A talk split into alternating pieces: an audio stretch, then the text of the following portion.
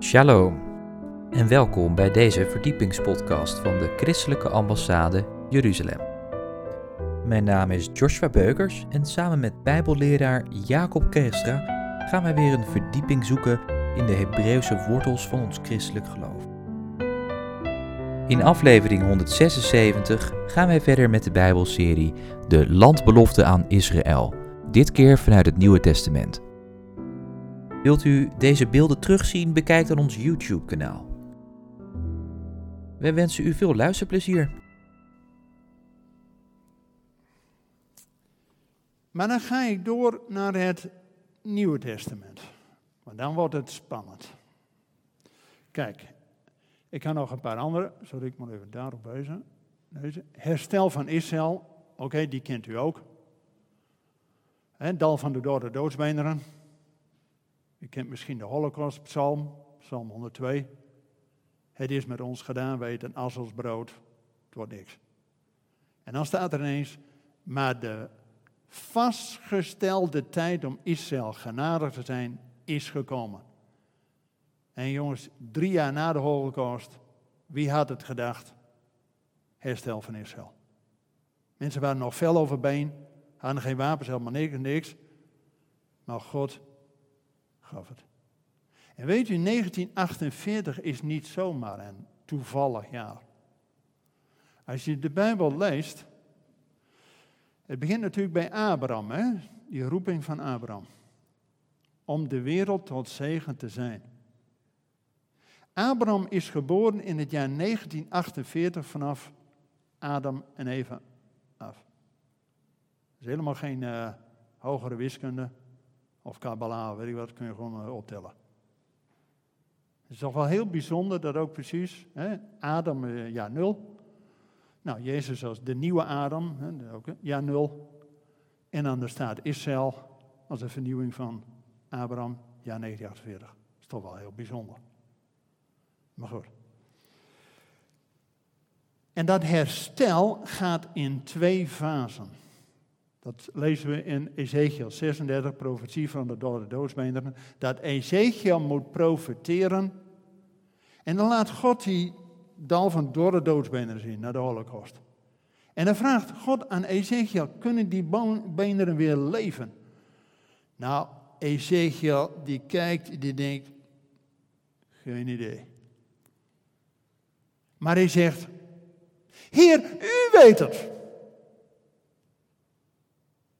En dan zegt God, Ezekiel, pst, profiteer. Nou, Ezekiel doet.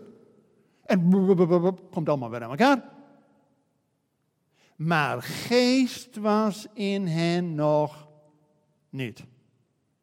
En dan moet Ezekiel een tweede keer profiteren tot de geest die uitgestort is naar de vier windstreken, dus tot aan Nederland toe, dat ook die geest over zijn volk komt. En dan worden de machtig leger van Joden. Juda betekent godlovers. En dat is waar wij als christelijke nu voor bidden. Want we leven nu in spannende tijden, dat precies nu vanaf Rosh Hashanah, Joods nieuwjaar, tot en met Simchat Torah, vreugde de wet, drie weken, dat alles in total lockdown was in Israël. Nou, dan komen ze niet ver. Maar God gaat dan wel die tijd gebruiken om tot het hart van zijn volk te spreken. Ik geloof dat er straks een enorme opwekking zal komen in Israël. Maar die tweede herstel, dus eerst het natuurlijk herstel en dan het geestelijk herstel. Jongens, we zijn al 75 jaar onderweg, hè? Dus het wordt ook tijd. Want ik denk nou met al die corona, dat ineens de hele wereld uh, stil ligt, dat God tot ons hart wil spreken. En daarom is het goed om ook deze avond hierbij te zijn. En vooral ook wat God met zijn volk doet. Maar kijk, zijn volk is op weg om haar Messias te zien. Zachariah 12. Dat de geest van genade, en de geest, geest van genade en gebeden over zijn volk komt. Zodat ze mogen zien wie hun Messias is. En het gaat op weg naar. Oh. Sorry, ik moet daar op berichten. Oké, nou. Het gaat in ieder geval op weg naar de grootste barbecue aller tijden. Jezaja 25, daar staat: God heeft de grootste barbecue in petto. Met belegen spijzen, vetten, alles nog. Voor alle volken. En waar? Op zijn heilige berg. Nou, waar is dat? Is niet de airport Lelystad. Ook niet Dag, niet de berg en uh, Zwolle, maar waar? Berg Sion. Ja, oké. Dus het gaat om land. Maar goed, duidelijk is dat de landbelofte in het Oude Testament, neem aan dat dat te doen is. Maar nu gaan we even verder. Landbelofte in het Nieuwe Testament. Want dan wordt het spannend. En bijvoorbeeld in Lucas 1, en dat wordt natuurlijk straks allemaal weer gelezen, de aankondiging met de advent. Jongens, dus al voordat die Messias komt, zal er een heraut zijn. Nou, we weten dat dat Johannes de Doper was. Maar er staat ook, hij zal in de geest van Elia komen. Nou, en dan gaan we eventjes terug naar de laatste tekst van wat we noemen het Oude Testament. Maar ja, het is niet oud, het is geen testament. De Tenach heet dat. Maar goed, wat wij als laatste tekst van het Oude Testament hebben, Malachi 4, vers 5 en 6. En daar staat, zie, ik zend tot u de profeet Elia. Voordat de dag van de Heer komt, die grote en onzagwekkende dag. Hij zal het hart van de vaders tot de kinderen terugbrengen en het hart van de kinderen tot de vaders. Opdat ik niet zal komen in de aarde met de band zal slaan. Dus, dit is serious business, hè? Jongens, het speelkwartier is voorbij, hè? Wat staat hier? God gaat het hart van de kinderen terugbrengen tot het hart van de vaderen. Nou, deze tekst, Malachi 4, is in de eerste plaats aan Israël gegeven. Ja, ik bedoel, die was al 400 jaar voor Christus, was die tekst er al. Bedoel, er was er nog geen christen. dus deze tekst is specifiek aan Israël gegeven. En dat betekent dat God zijn volk, de kinderen van Israël, als eerste terugbrengt in het land van de vaderen. En dat er herstel komt in het gezin. Vaders en kinderen. Nou, dat is hartstikke mooi. Maar deze tekst is profetisch nog veel dieper. Het heeft ook tot betekenis dat hij het hart van de kinderen terugvoert tot het hart van de vaderen. Weet u wie de vaderen zijn in de Bijbel? Altijd Abraham, Isaac en Jacob. Dus hij gaat de kinderen van Israël ten eerste terugbrengen naar het huis, dus het land van Abraham, Isaac en Jacob. Maar vooral ook terugbrengen tot het geloof en de beloften van Abraham, Isaac en Jacob. Maar deze tekst heeft nog een veel grotere rijkwijde. Weet u hoe wij, wij, gelovigen uit de volkeren, hoe wij in het Nieuwe Testament genoemd worden? Enig idee hoe, de, Paulus en Johannes en Petrus en zo, hè, toch? Hoe noemt hij ons in het Nieuwe Testament? Ja, gelovigen uit de volkeren. Maar wij worden door het geloof kinderen van Abraham. Gelaten 3, vers 14. En de hele Johannesbrief, Johannes, 1 Johannes, 2 eh, Johannes, 3 Johannes, heeft het altijd over kinderen. En daar worden wij mee bedoeld. Dus als wij kinderen zijn, wie is onze en wie zijn onze vaderen? Abraham, Isaac en Jacob. Dus God wil ook dat die heraut van de Messias ook ons, kinderen in het geloof, terugbrengt tot het hart van Abraham, Isaac en Jacob. En daartoe is Jezus gekomen. Dat door het geloof in Jezus worden wij kinderen van Abraham en delen in de belofte. Dus deze tekst is niet alleen voor Israël, maar ook voor ons. En nu gaan we verder in Lucas 1. Dat niet alleen de geboorte en de profetie van Johannes de doper, maar ook wat Gabriel aan Maria vertelt. Nou, dat wordt in deze tijd van Advent ook wel eens gelezen. Lees eens met mij mee. Lucas 1. En er staat dat de engel zei tegen Maria: Wees niet bevreesd, want u hebt genade gevonden bij God. En u zult zwanger worden en een zoon baren, en u zult hem de naam Jezus geven. Hij zal groot zijn en de zoon van de Allerhoogste genoemd worden. En God, de Heer, zal hem de troon van zijn vader David geven. Is dat al gebeurd? Nee. Maar waar stond die troon van David?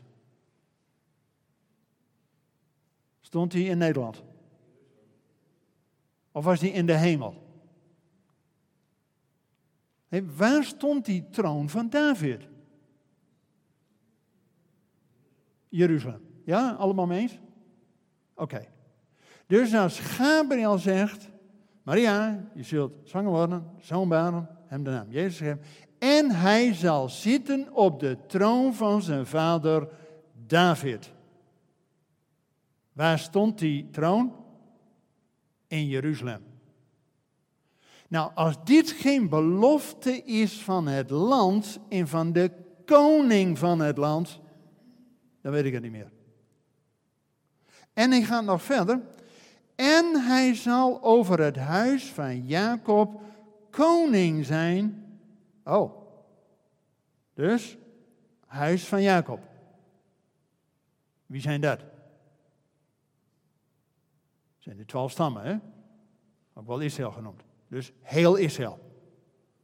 maar bij Israël kun je nog denken, oh, tien stammen en twee stammen. Nee, het huis van Jacob, dus alles. En hij zal over het huis van Jacob koning zijn tot in eeuwigheid. En aan zijn koninkrijk zal geen einde komen. Hoe lang duurt eeuwig? Dat duurt even, hè? Ja, nee, ik, ik zeg het even, want er wordt wel eens gezegd, ja, aan Israël is het land niet beloofd in het Nieuwe Testament. En dus is het toeval dat Israël nou weer in het land is. Maar hier is dus al beloofd door de engel voordat Jezus geboren werd, dat hij zal zitten op de troon van zijn vader David. Nou, die stond in Jeruzalem. En hij zal koning zijn over Israël. Ja? Wat, was er, wat stond er boven het kruis? Nou, die gaan we zo ook doen. Want dat is een hele belangrijke. Dus uh, die gaan we zo doen. Wat stond boven het kruis? Jezus van Nazareth, koning van Lelystad. Nee, wat stond er nou boven, jongens? Oké. Weet u trouwens wat er, dit stond er in drie talen, hè? Het,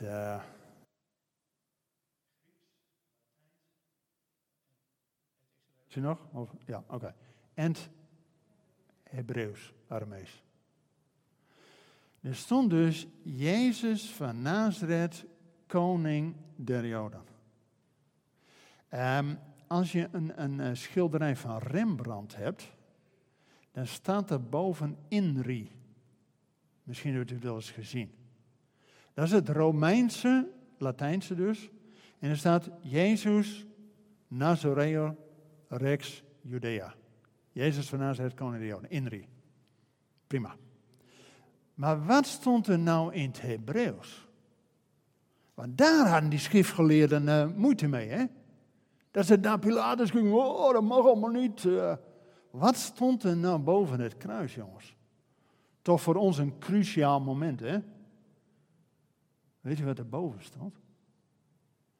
Yeshua Hanozerim we melech hayeduhim. Jezus van Nazareth, koning de Joden. Maar in het Hebreeuws, Yeshua Hanozerim we melech hayeduhim. Afgekort, Jod, He, Waf, He. Jawel. Wauw. Logisch dat die schriftgeleerden denken, oeh, wat hebben we hier? Snap je? Dit is dus niet zomaar iets, hè? Dit is wel een cruciaal iets. Gaan we even die ene tekst even terug. Sorry, daar richten. Ja. Wat Jezus zegt over Jeruzalem. Die kent u misschien in Matthäus 23. Dan zit Jezus met zijn discipelen op de olijfberg. En de discipelen zeggen, nou eh, heer, mooi optrekje. In die tempel. En Jezus zegt, Jeruzalem, Jeruzalem, u die de profeten doodt en stenigt, wie naar u toegezonden zijn. Hoe vaak heb ik uw kinderen bijeen willen brengen op de wijze waarop een hen haar kuikens bijeenbrengt onder haar vleugels. Maar u hebt niet gewild. Zie, uw huis, dus die tempel, wordt als een woestenij voor u achtergelaten. Want ik zeg u, u zult mij vanaf nu niet meer zien. Als hier een punt had gestaan, mensen, dan was het over en uit geweest. Maar nou komt het evangelie. Want er staat een komma totdat. En omdat Jeruzalem een tweede kans krijgt,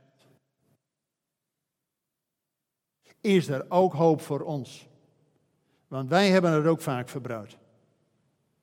Maar God geeft ook ons een tweede kans.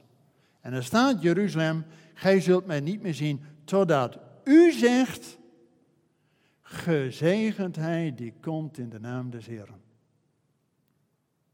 Dus wanneer komt Jezus terug?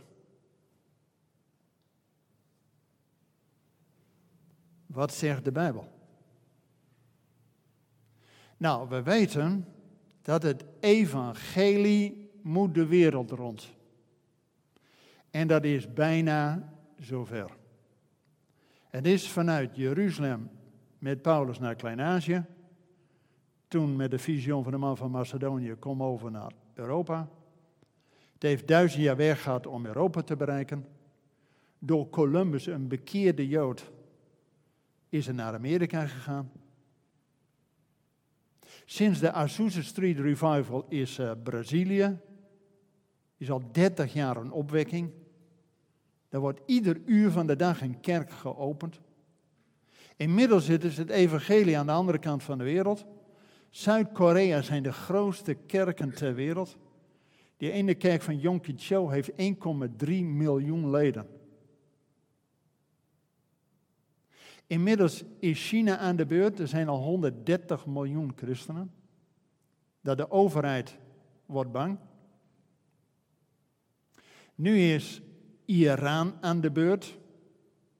Met corona, er zijn getuigenissen dat er per maand 10.000 gelovigen in Iran bijkomen.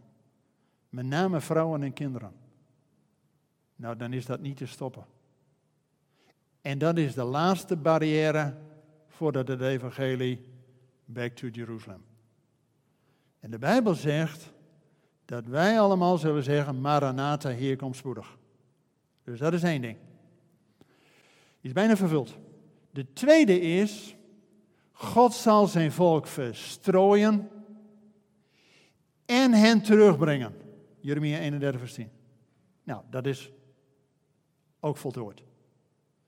Maar de derde en de laatste heeft alles te maken met het centrum waar alles om draait, waar die geestelijke strijd ook maximaal wordt, en dat is met Jeruzalem. En dan wil ik u het verhaal vertellen uit 2 Samuel 19. Dat gaat over koning David. Koning David is 40 jaar koning. Eerst 7 jaar in Hebron, dan 33 jaar in Jeruzalem. Maar aan het eind van zijn leven kreeg hij een opvolgingscrisis. Dan wil Absalom, die wil ook koning worden. Want die denkt, die pa van mij, die is oud, heeft lang genoeg op plus gezeten, nou wil ik. En hij gaat met beleid te raden. Dat is wel eens zo in de wereld. In de wereld gaat men vaak met meer overleg te raden dan wij. Maar goed, Absalom gaat drie jaar lang voor de poort van het paleis van David zitten. En, ieder, sorry, en iedereen die met een rechtsgeschil bij de koning komt, ja, die kwam bij Absalom langs. En hij zegt, ah, die pa van mij is oud, kom maar bij mij. En iedereen denkt, ja, toch de oudste zoon, dus hij wordt vast de, de troonopvolger. Dus iedereen uh, komt bij Absalom. En het is nu al net zo als vroeger. Voor de poen is er een hoop te doen. Dus Absalom die gaf degene gelijk die hem het meeste sponsorde. Nou, na drie jaar denkt hij, mijn fanclub is groot genoeg. En dan zonder zijn pa te verwittigen, liest hij het koninklijk muildier. Dus hij gaat naar Hebron, daar laat hij zich salven tot koning en huppatee, no time to waste, snel naar Jeruzalem. En nou komt het. David verkiest ervoor om weg te gaan. Hij gaat niet met zijn zoon strijden. En David gaat vanuit de stad van David, aan de onderkant van de Tempelberg, is nu weer opgegraven. Kun je nou uh, doorheen lopen. Gaat over de Olijfberg naar het over Jordaanse. En wacht af. Nou, vroeg of laat komt er toch tot een uh, geschil tussen de mannen van David en de mannen van Absalom. Trouwens, Absalom, jongen, ik vind jou gewoon dom. Gewoon dom. Wie gaat nou strijden tegen David? Kijk, David was een geoefend strijder. En niet voor niks. Goliath kopje kleiner gemaakt. Maar hij had ook dertig helden, staat er in de Bijbel. En daar zou ik geen ruzie mee zoeken. Maar er staat in de Bijbel dat David heeft Goliath een kopje kleiner gemaakt. Hè? Dat weten we allemaal. Zonder school, hè? spannend verhaal. Maar wist je dat Goliath vier broers had? En een van die helden van David heeft die vier broers van Goliath kopjes kleiner gemaakt. Nou, Absalom, jij kunt er wel koningszoon zijn, in de wereld groot geworden, misschien een mooi zwaard en een mooie meldier hebben, maar weet je ook wat volharden is? Ik zou geen ruzie zoeken met die helden van David. Ook in de tijd van David sneeuwde een keer en er waren leeuwen in Israël toen. Een van die leeuwen, toen het sneeuw was, valt in de put. En een van die dertig helden van David laat hem ook in die put afzakken, pakt die leeuw. Ik denk, nou, Absalom, ik zou geen ruzie zoeken met die helden van David. Maar goed, het komt tot een oorlog. En Joab, legenaarvoerder, hè, die ziet uh, Absalom, hè, je weet dat, hè, Absalom met zo'n mooie haar, je, kent het verhaal. Hè. Blijft in de boom hangen en uh, Joab steekt hem dood. Eindoefening. Nou komt hij. Nou is Absalom dood. Die is net tot koning hadden gezalfd. Dus heel Israël komt bij de Jordaan en die wil David weer terug hebben. maar nog niet zijn eigen stam Juda. Dus David komt bij de Jordaan, bij Gilgal, met Hebreeuwse oren. Gilgal is dezelfde naam als Golgotha. Ja, dus dit is een belangrijk punt, hè? Dan zet David boden uit naar Jeruzalem. Bent u de laatste die uw koning welkom heet? En dan komen de mannen van Juda en van Jeruzalem ook bij Gilgal en zeggen David, Baruch haba b'Shem Adonai. hey, dat is natuurlijk profetisch dat die zoon van David wordt welkom geheten bij Golgotha door zijn eigen stam met het welkomstwoord gezegend hij die komt in de naam des Heren. Jongens, dat is het wachtwoord voor de wederkomst. De eerste keer kwam Jezus incognito. En het was een plan van God dat hij moest sterven aan het kruis als koning der Joden. Maar hij komt niet weer terug om weer aan het kruis te hangen. Hè? Laat dat even duidelijk zijn. Dat is once and for all. Hoe komt Jezus straks terug als? Wat lezen we, jongens? Openbaring 5. De blinkende morgenster uit de wortel van David. En wat komt hij doen? Die komt zitten op de troon van zijn vader David.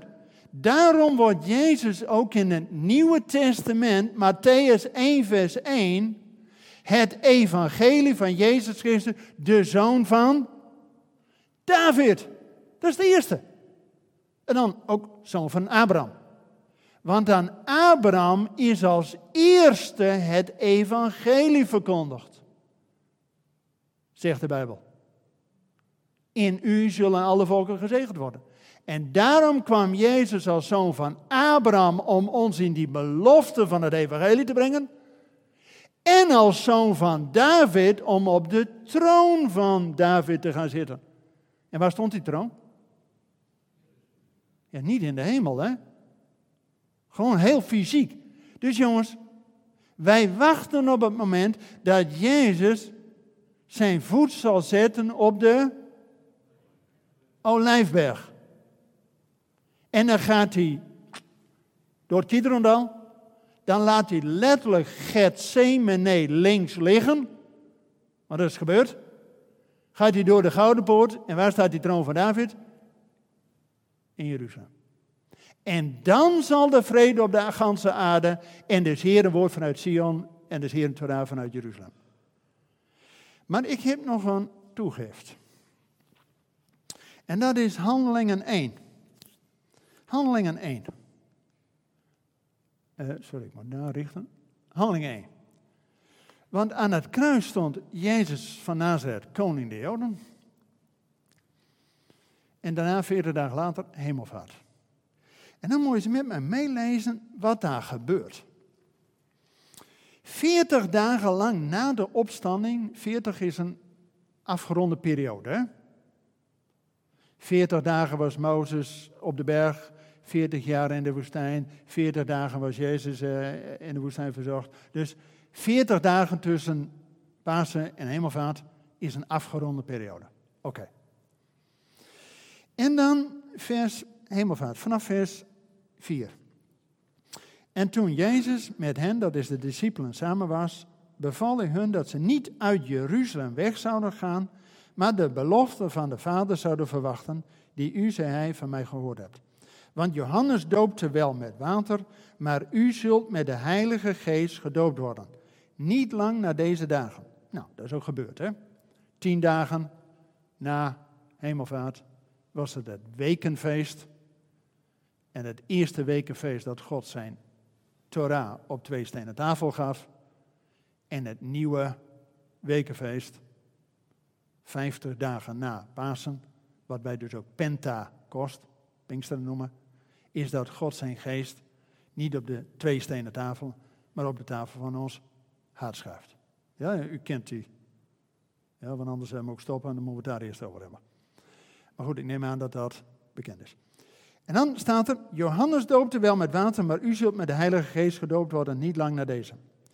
En zij die samengekomen waren, vroegen aan Jezus, en dan komt hij, Heere, zult u in deze tijd voor Israël het koninkrijk weer herstellen?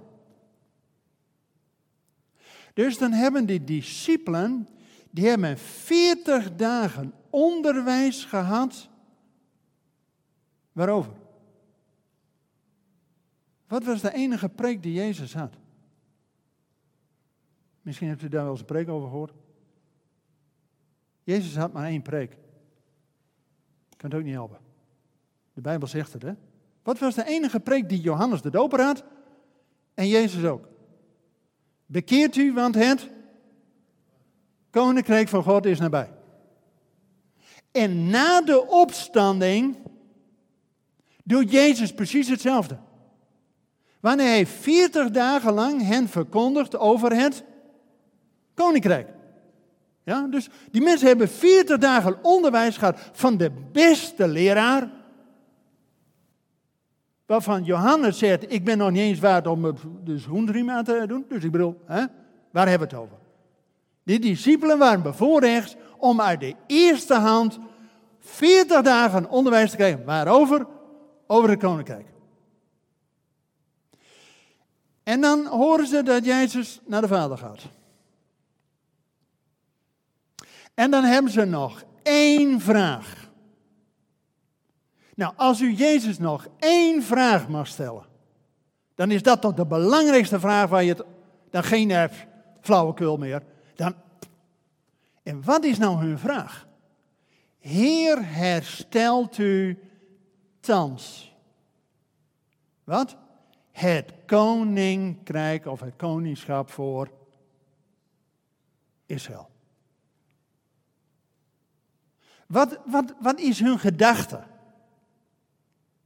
Dat Jezus komt als koning om op de troon van zijn vader David te gaan zitten, want dat kennen ze ook uit het Oude Testament. En dat Jezus na de opstanding, dat hij dus voor onze, dood, voor onze zonde gestorven is, dus dat hij zijn priestelijke taak gedaan heeft. Nou, is nou toch tijd om zijn koninklijke waardigheid in ontvangst te nemen. Ja toch? Dus hun allerlaatste vraag is, Heer, herstelt u nu het koningschap voor Israël. Dus ze verwachten gewoon dat God, het koninkrijk der hemel, hier landt. Want ze kenden ook uh, Zachariah 12, ze kenden ook Zachariah 14, ze kenden ook Jeremia 31. Ik bedoel, ja, dat heb je op zondagschool ook geleerd. Dus hoe moeten we deze tekst nou uitleggen?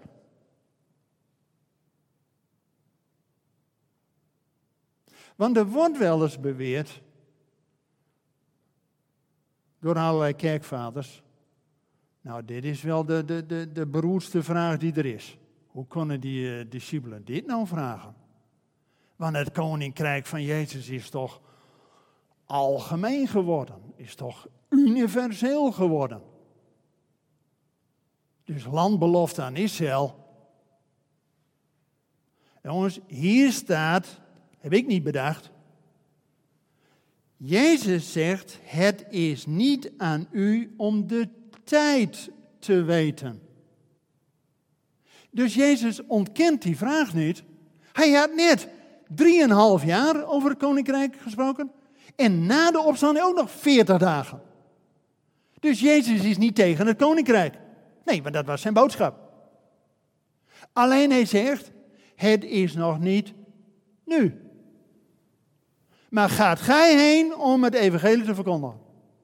Prima, dat is gebeurd. Dat hebben ze gedaan. Maar nu Israël weer terug is in het land, wat zegt Romeinen 11? Hun val is zegen voor de wereld geworden. Wat zal hun aanneming anders zijn dan leven uit de dood? Nou, wat is leven uit de dood? Dat is opstanding. Ja toch? En ook voor ons. Jongens, dat heeft alles met de wederkomst te maken. Dus dat Israël terug is in het land, dat gaat erom dat Gods geest ook over zijn volk komt, zodat ook in Jeruzalem de rode loper uitgaat en ze zeggen, Baruch haba b'shem Adonai, gezegendheid die komt in de naam des Heeren. En daarom gaan wij, gelovigen uit de volkeren, hen zegenen, wat zegt Romeinen 15? Als wij alle zegen via Israël ontvangen hebben, Gods woord, Gods zoon en Gods geest, dan zijn wij, wij, verplicht om vanuit onze materiële dingen hen te zegenen. Dus wat wij doen als Christenambassade, dan we al 160.000 Joden geholpen hebben om terug te keren naar dat land. En het is een voorrecht dat wij als vreemdelingen dat mogen doen. En dat we bidden dat Gods geest overeenkomt, zodat ze ook weten wie hun Messias is en hem welkom heten. Daar gaat het om. Nou, betekent, handelingen 1 herstelt u thans het koningschap voor Israël? Nee, dat zegt Jezus duidelijk. Maar hij ontkent de vraag niet. Het zal een keer gebeuren. Want daar had hij net drieënhalf jaar over gepreekt. En dat hij komt om op die troon van zijn vader David te gaan zitten. Dus jongens, kijk, maar dat is typisch Grieks denken in onze kerken. Wij denken vaak, oh, het leven hier, eh, dat is allemaal aardse tranendal, maar wij gaan als we dood zijn allemaal mooi naar de hemel. En dan zingen we heel veel opwekkingsliederen. Dat staat niet in de Bijbel, hè? We verwachten de verlossing van, van ons lichaam. het Hebreeuwse denken is de mens een geheel van geest, ziel en lichaam. En we verwachten de opstanding ook van ons lichaam. En Jezus, niet voor niks, dat hij opstond met een verheerlijk lichaam. Ja, dus het, was niet alleen van een zweverig gebeuren. Nee, hij had duidelijk een lichaam. Wel verheerlijk, dus geen ziekte en weet ik wat. Maar hij kon ook gewoon eten. Ja, dus ook wij zullen in de wedergeboorte ook een nieuw lichaam ontvangen. Dus dat is een Griekse gedachte dat alleen maar de ziel naar de hemel gaat en de, de, de rest is sterfelijk, toch geen nut. Nee, wij verwachten de opstanding van de doden. En we verwachten dat Jezus komt hier op aarde. Dus wij gaan straks niet gewoon allemaal eh, heerlijk lofliederen in de hemel zingen. Nee, we verwachten dat de hemel naar ons toe komt. Tot slot. Openbaring 19, een van mijn meest geliefde teksten. Daar staat de bruiloft van het lam. Openbaring 19. Sorry. Ja, die. En dan moet ik nog even doorklikken. Nou, gaat nog niet. Oké, gaan we verder. Openbaring 19. Waar staat, en ik hoorde zoiets als een geluid van een grote menigte en een gedruis van vele wateren. En geluid van zware donderslagen. Zeggen de halleluja.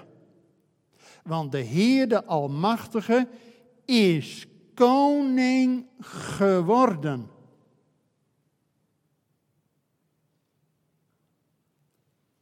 Jongens, waarom moest Jezus naar de hemel?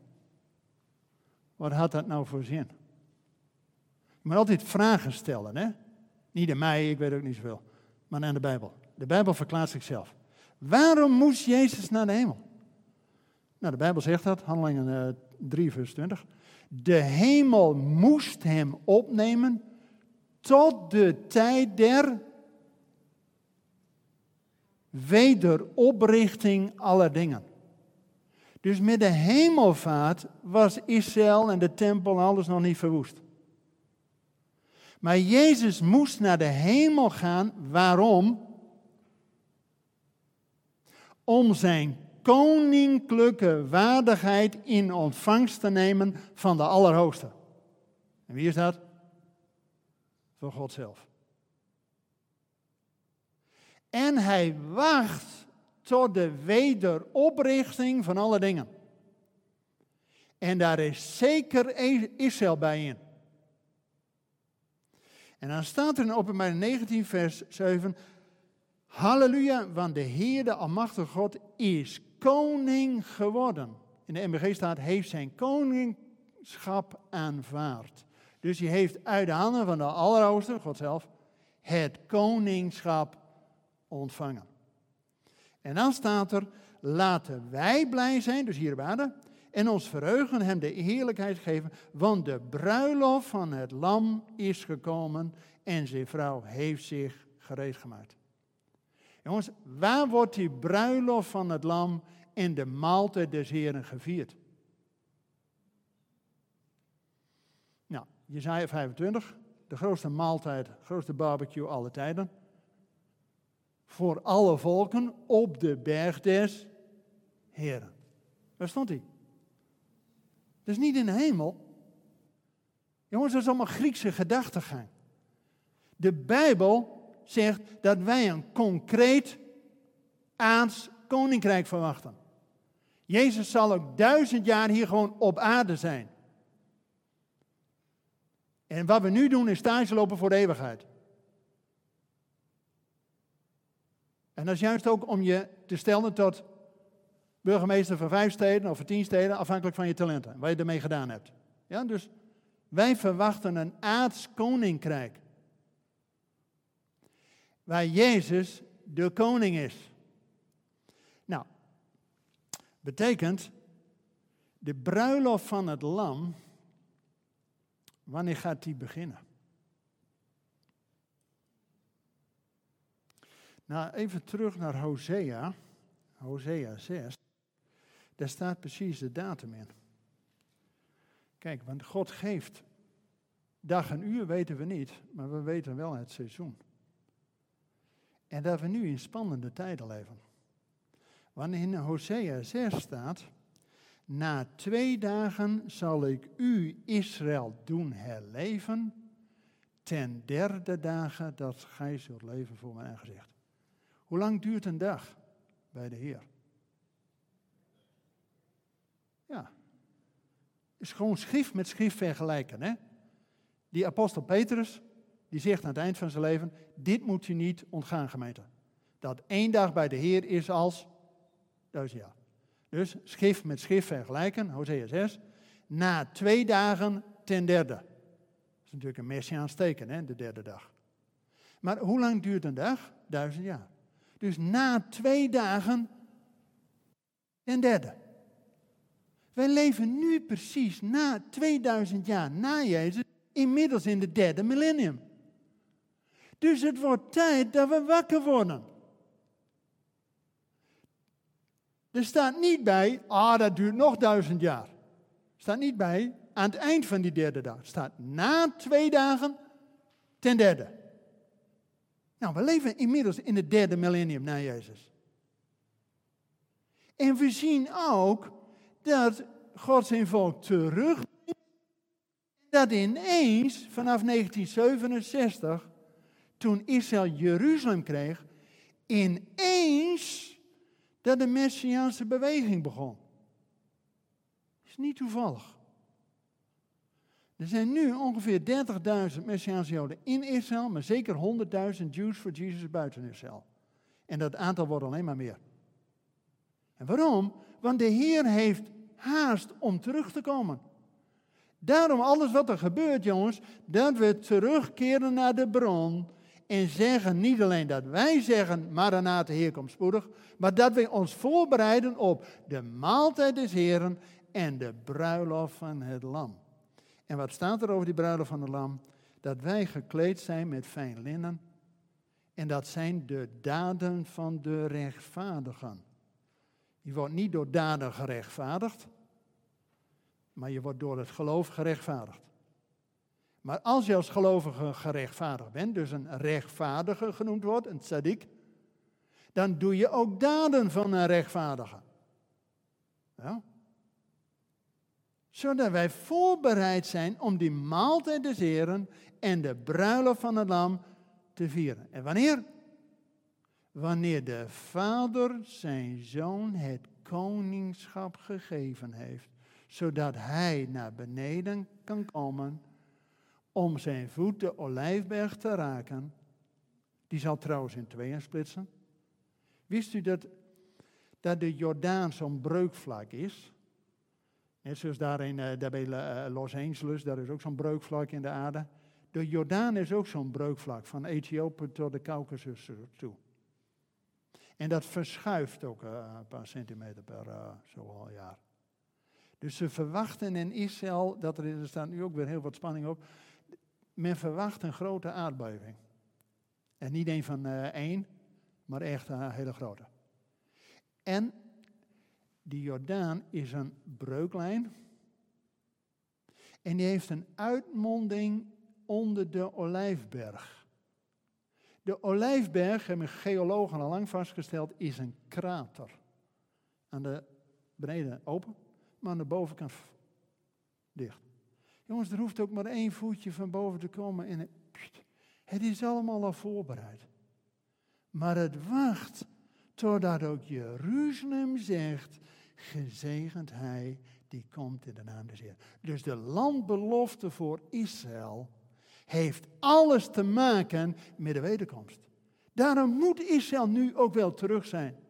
Zodat ook zij, wanneer Gods geest over hen komt, ook niks anders doen dan, jongens, niet op hun eigen IDF, het leger, hè, want Israël heeft een redelijk sterk leger. Maar wanneer Israël zo door alle volken omringd wordt, dat ze niet meer op hun eigen leger kunnen vertrouwen, maar alleen maar omhoog kunnen kijken en roepen, Heer help. En wat is in het Hebreeuws Heer help? Yeshua. En weet u wat er precies in het centrum van de Bijbel staat?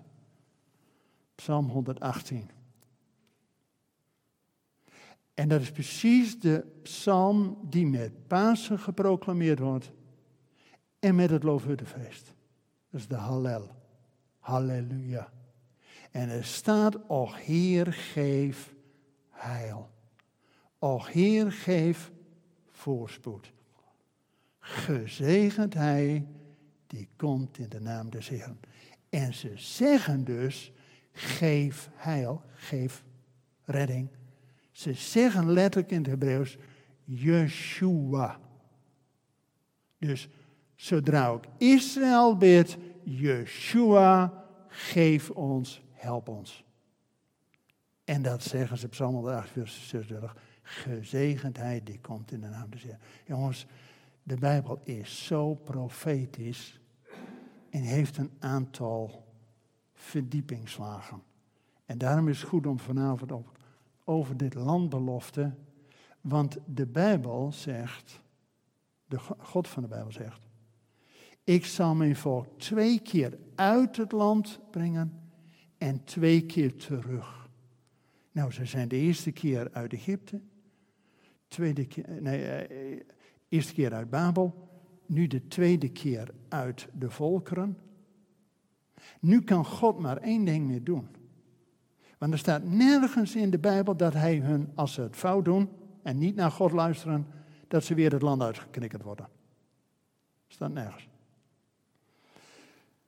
Dus God kan eigenlijk maar één ding doen. Nou ze voor de derde keer terug zijn in het land, kan God ook alleen maar zijn geest over hen schenken, zodat ook zij een rein hart krijgen en dat hart van steen eruit en hart van vlees. En dat Gods geest over hen komt, zodat zij ook mogen zien wie hun Messias is. Amen of amen. En daar bidden we voor. Ik kan hier nog een uur over praten. Maar misschien zijn er ook vragen bij u. drink ik even uit een andere bron. Zijn er en jongens hierover was het allemaal zo duidelijk dat. Uh...